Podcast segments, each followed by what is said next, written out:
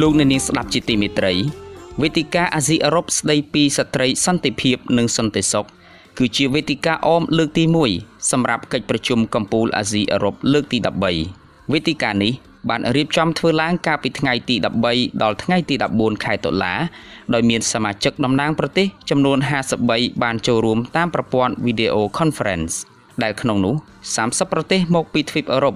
21ប្រទេសមកពីទ្វីបអាស៊ី ព្រមទាំងសហភាពអឺរ៉ុបនិងលេខាធិការដ្ឋានអាស៊ានមន្ត្រីជាន់ខ្ពស់ក្រសួងកិច្ចការនារីបានអះអាងថាវេទិកានេះពិតជាមានសារៈសំខាន់ពីព្រោះប្រទេសនៅលើសកលលោកសុទ្ធតែចង់បានសន្តិភាពដែលក្នុងនោះស្ត្រីក៏ដើរតួនាទីយ៉ាងសំខាន់ណាស់ក្នុងការរក្សាសន្តិសុខសន្តិភាពហើយប្រទេសកម្ពុជា ជាប្រទេសទី1ដែលបានចាប់ផ្ដើមត្រួសត្រាយផ្លូវឲ្យមានវេទិកានេះឡើង ក្នុងកិច្ចប្រជុំកំពូលអាស៊ីអឺរ៉ុបតទៅនេះ សូមលោកអ្នកនាងស្ដាប់បទយកការរបស់វិទ្យុជាតិកម្ពុជា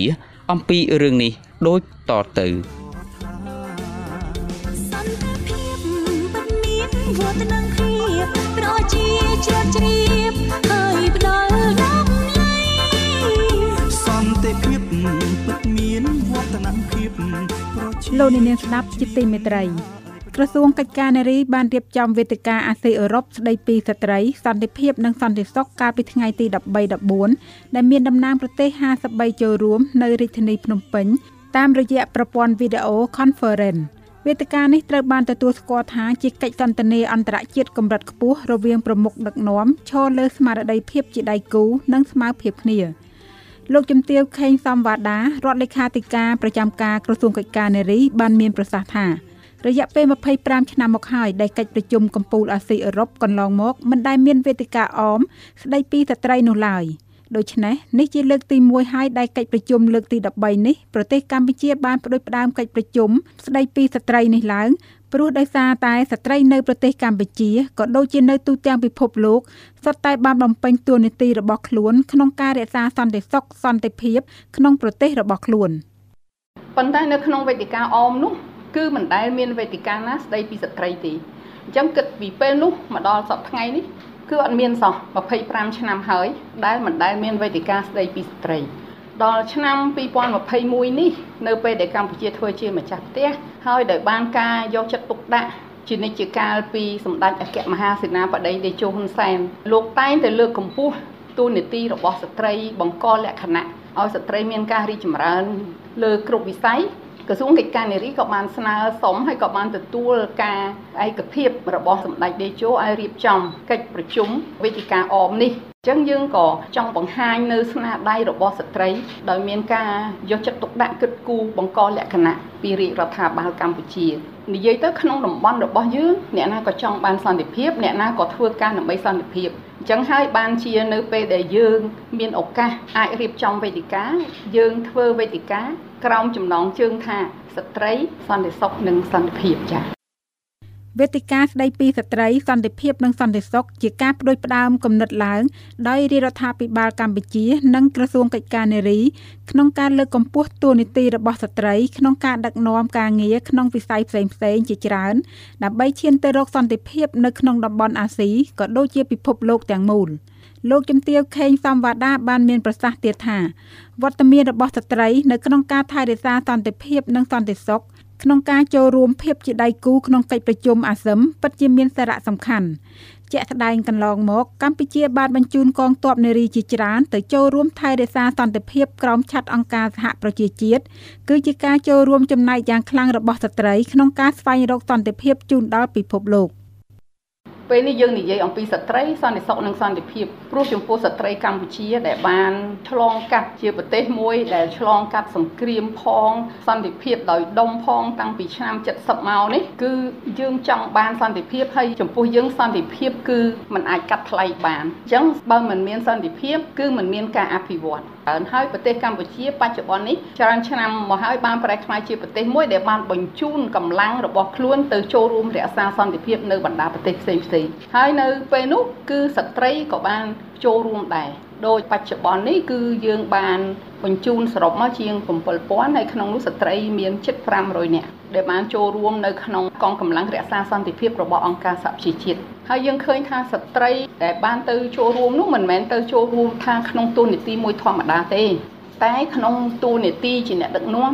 ហើយគាត់អាចចេះនិយាយភាសាអង់គ្លេសពិតមែនតែគាត់នៅក្នុងជួរកងទ័ពគាត់អាចទំនាក់ទំនងជាមួយគេ ហើយគាត់មិនមែនទៅធ្វើតែការងារដូចយើងហៅថាការងាររដ្ឋបាលការងារពេទ្យមិនមែនចឹងទេគឺគាត់ទៅជាអ្នកដោះមីន អំពីស្នាដៃរបស់ស្ត្រីកម្ពុជាឲ្យគេឯងឃើញដើម្បីកុំឲ្យគេយល់ថាអូប្រទេសកម្ពុជាជាប្រទេសមួយក្រីក្រមិនមែនចឹងទេយុគសម័យទំនើបការវិវត្តនិងការអភិវឌ្ឍត្រូវបានដើរទន្ទឹមគ្នាដែលជាឱកាសមួយក្នុងការបង្ហាញដល់ពិភពលោកបានឃើញថា កាលពីឆ្នាំ1993កម្ពុជាធ្លាប់តែជាប្រទេសក្រីក្រទទួលជំនួយពីអង្គការសហប្រជាជាតិ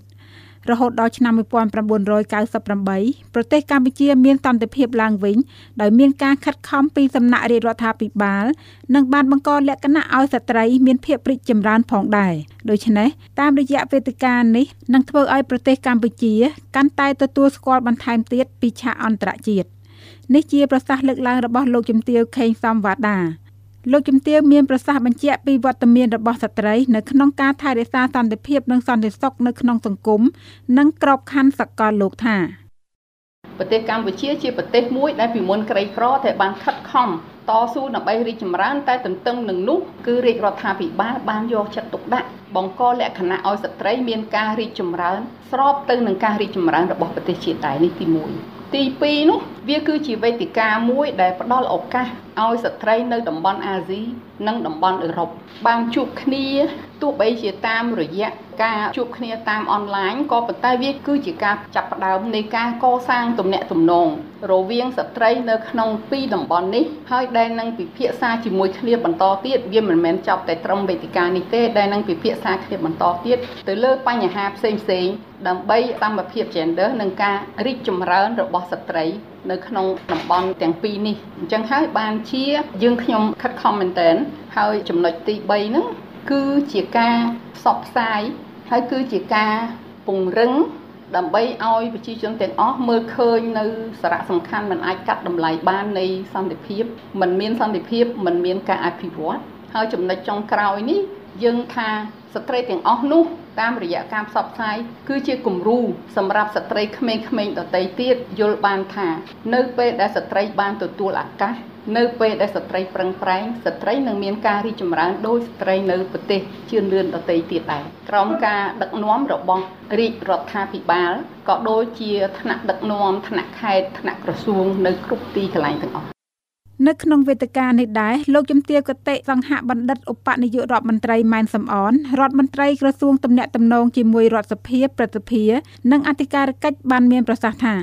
រាជរដ្ឋាភិបាលកម្ពុជា បានដាក់ចេញជាបន្តបន្ទាប់នៅគោលនយោបាយជាតិផែនការសកម្មភាពជាតិនិងសិទ្ធិក្នុងកម្មវិធីអន្តរជាតិនានា ដើម្បីពង្រឹងសមត្ថភាព gender និងការផ្ដល់សិទ្ធិអំណាចដល់ស្ត្រី ផ្ដល់ឱកាសស្មើគ្នាចូលរួមក្នុងការងារគ្រប់គ្រងគ្រប់កម្រិតនៅក្នុងប្រទេសទាំងក្នុងវិស័យឯកជននិងសាធារណៈដើម្បីចូលរួមចំណែកដល់ការអភិវឌ្ឍសេដ្ឋកិច្ចសង្គមរាជរដ្ឋាភិបាលកម្ពុជាបានចាត់ទុកស្ត្រីជាឆ្អឹងខ្នងនៃសេដ្ឋកិច្ចនិងសង្គមជាតិដែលបានដាក់ចេញនៅគោលនយោបាយផែនការសកម្មភាពជាតិ កម្មវិធីជាតិអន្តរវិស័យសម្ដៅលើកកម្ពស់សមភាព gender ដើម្បី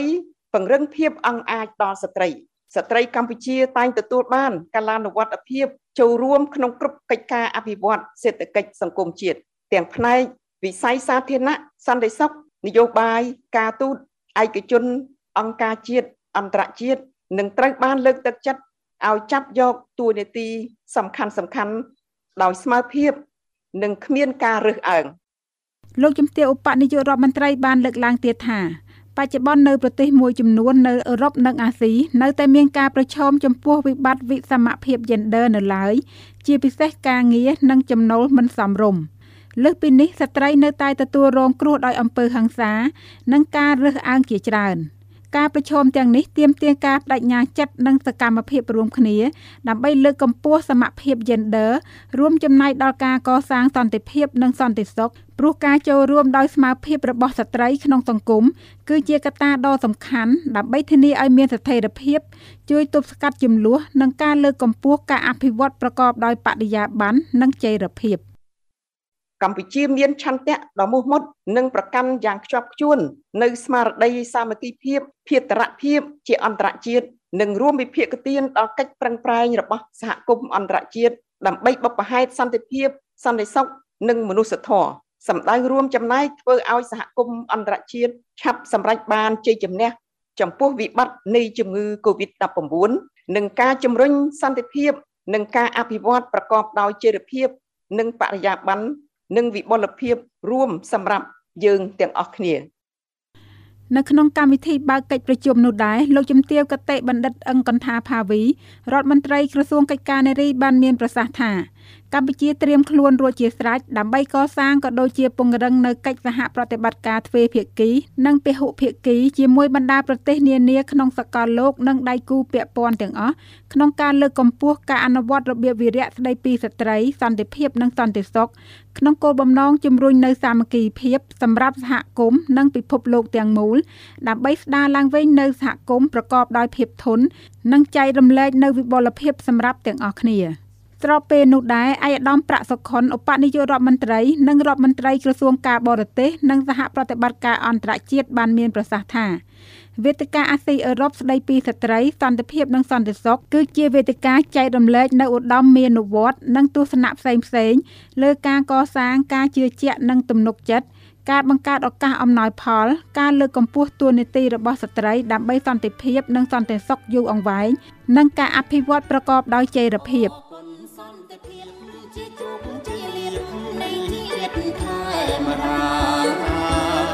ទូទាំងរដ្ឋា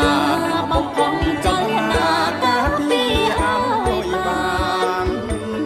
សកសាយបន្តអគុណសន្តិភាពលោកអ្នកនាងស្ដាប់ជាទីមេត្រី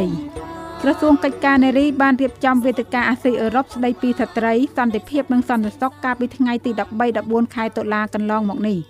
វេទិកានេះមានគោលបំណងចម្បងសំខាន់សំខាន់ចំនួន3ទី1សម្របសម្រួលដល់កិច្ចសន្ទនានិងចែករំលែកបទពិសោធន៍និងឧត្តមមានវត្តរវាងបណ្ដាប្រទេសនៅអាស៊ីនិងអឺរ៉ុបក្នុងការអភិវឌ្ឍរបៀបវិរៈស្ត្រីសន្តិភាពនិងសន្តិសុខ ទី2បង្ហាញនៅវឌ្ឍនភាពរបស់ប្រទេសកម្ពុជាស្ដីពីដំណើរនៃការវិវត្តរបស់ស្ត្រីសន្តិភាពនិងសន្តិសុខដែលមានប្រវត្តិនៃការចូលរួមរបស់ស្ត្រីក្នុងវិស័យដោះមីននិងការរក្សាសន្តិភាពក៏ដូចជាយុទ្ធសាស្ត្រនិងការអភិវឌ្ឍនៅក្នុងការប្រយុទ្ធប្រឆាំងនឹងអំពើហិង្សាតាក់ទងនឹង gender និងផលប៉ះពាល់នៃជំងឺ Covid-19 លើស្ត្រី។ ទី3ស្វែងរកមតិគាំទ្រក្នុងការបង្កើតឲ្យមានព្រឹត្តិការណ៍អមផ្សេងផ្សេងពាក់ព័ន្ធនឹងស្ត្រីនៅក្នុងរៀងរាល់កិច្ចប្រជុំកំពូលអាស៊ីអឺរ៉ុបនាពេលអនាគត។ ប្រទេសជាច្រើននៅលើពិភពលោកជាពិសេសនៅក្នុងទ្វីបអាស៊ីនិងអឺរ៉ុបនៅតែបន្តស្វែងរកវិធីសាស្ត្រដើម្បីកាត់បន្ថយអំពើហិង្សាទាក់ទងនឹង gender នៅក្នុងគ្រួសារជាពិសេសនៅអំឡុងពេលនៃការឆ្លងរាលដាលនៃជំងឺ Covid-19 ដែលធ្វើឲ្យមានផលប៉ះពាល់ដល់ចំណូលរបស់ស្ត្រីហើយស្ត្រីត្រូវស្វែងរកមធ្យោបាយផ្សេងៗទៀតក្នុងការផ្គត់ផ្គង់ជីវភាពគ្រួសារហេតុដៃក្រសួងកិច្ចការនារីត្រូវរៀបចំឲ្យមានវេទិកានេះឡើងព្រោះថា នៅថ្ងៃទី25 26ខែវិច្ឆិកាខាងមុខនេះកម្ពុជានឹងធ្វើជាម្ចាស់ផ្ទះនៃកិច្ចប្រជុំកំពូលអាស៊ីអឺរ៉ុបលើកទី13ដែលកិច្ចប្រជុំនេះនឹងផ្ដល់កាលានុវត្តភាពមួយដ៏សំខាន់សម្រាប់ការលើកកម្ពស់វឌ្ឍនភាពនៃរបៀបវិរៈស្ត្រីសន្តិភាពនិងសន្តិសុខបើតាមការឲ្យដឹងពីមន្ត្រីជាន់ខ្ពស់របស់ក្រសួងកិច្ចការនារីបញ្ជាក់ថាបើពិនិត្យមើលប្រវត្តិសាស្ត្រនៃការរៀបចំកិច្ចប្រជុំអាស៊ីអឺរ៉ុបកន្លងមក រហូតមកដល់បច្ចុប្បន្ននេះ ការយកចិត្តទុកដាក់លើរបៀបវិរៈស្ត្រីសន្តិភាពនិងសន្តិសុខគឺនៅមានកម្រិតនៅឡើយតាមរយៈប្រធានបទសម្រាប់ព្រឹត្តិការណ៍ក្នុងឆ្នាំនេះក៏ដូចជាការបដិញ្ញាចិត្តរបស់ប្រទេសកម្ពុជា ក្នុងការលើកកម្ពស់ស្ត្រីនិងភ្ជាប់ជាមួយនៅប្រធានបទសន្តិភាពនិងសន្តិសុខក្រសួងកិច្ចការនារីបានស្នើរៀបចំនៅវេទិកាអាស៊ីអឺរ៉ុបស្ដីពីស្ត្រីសន្តិភាពនិងសន្តិសុខនេះឡើងនាងខ្ញុំសនសវិនពជុជាតិកម្ពុជា គុណសន្តិភាពពង្រឹងនៅព្រៀបឈ្នះឈ្នះជាគោលពង្រីកធៀបចូលប្រមូលអភិវឌ្ឍប្រកប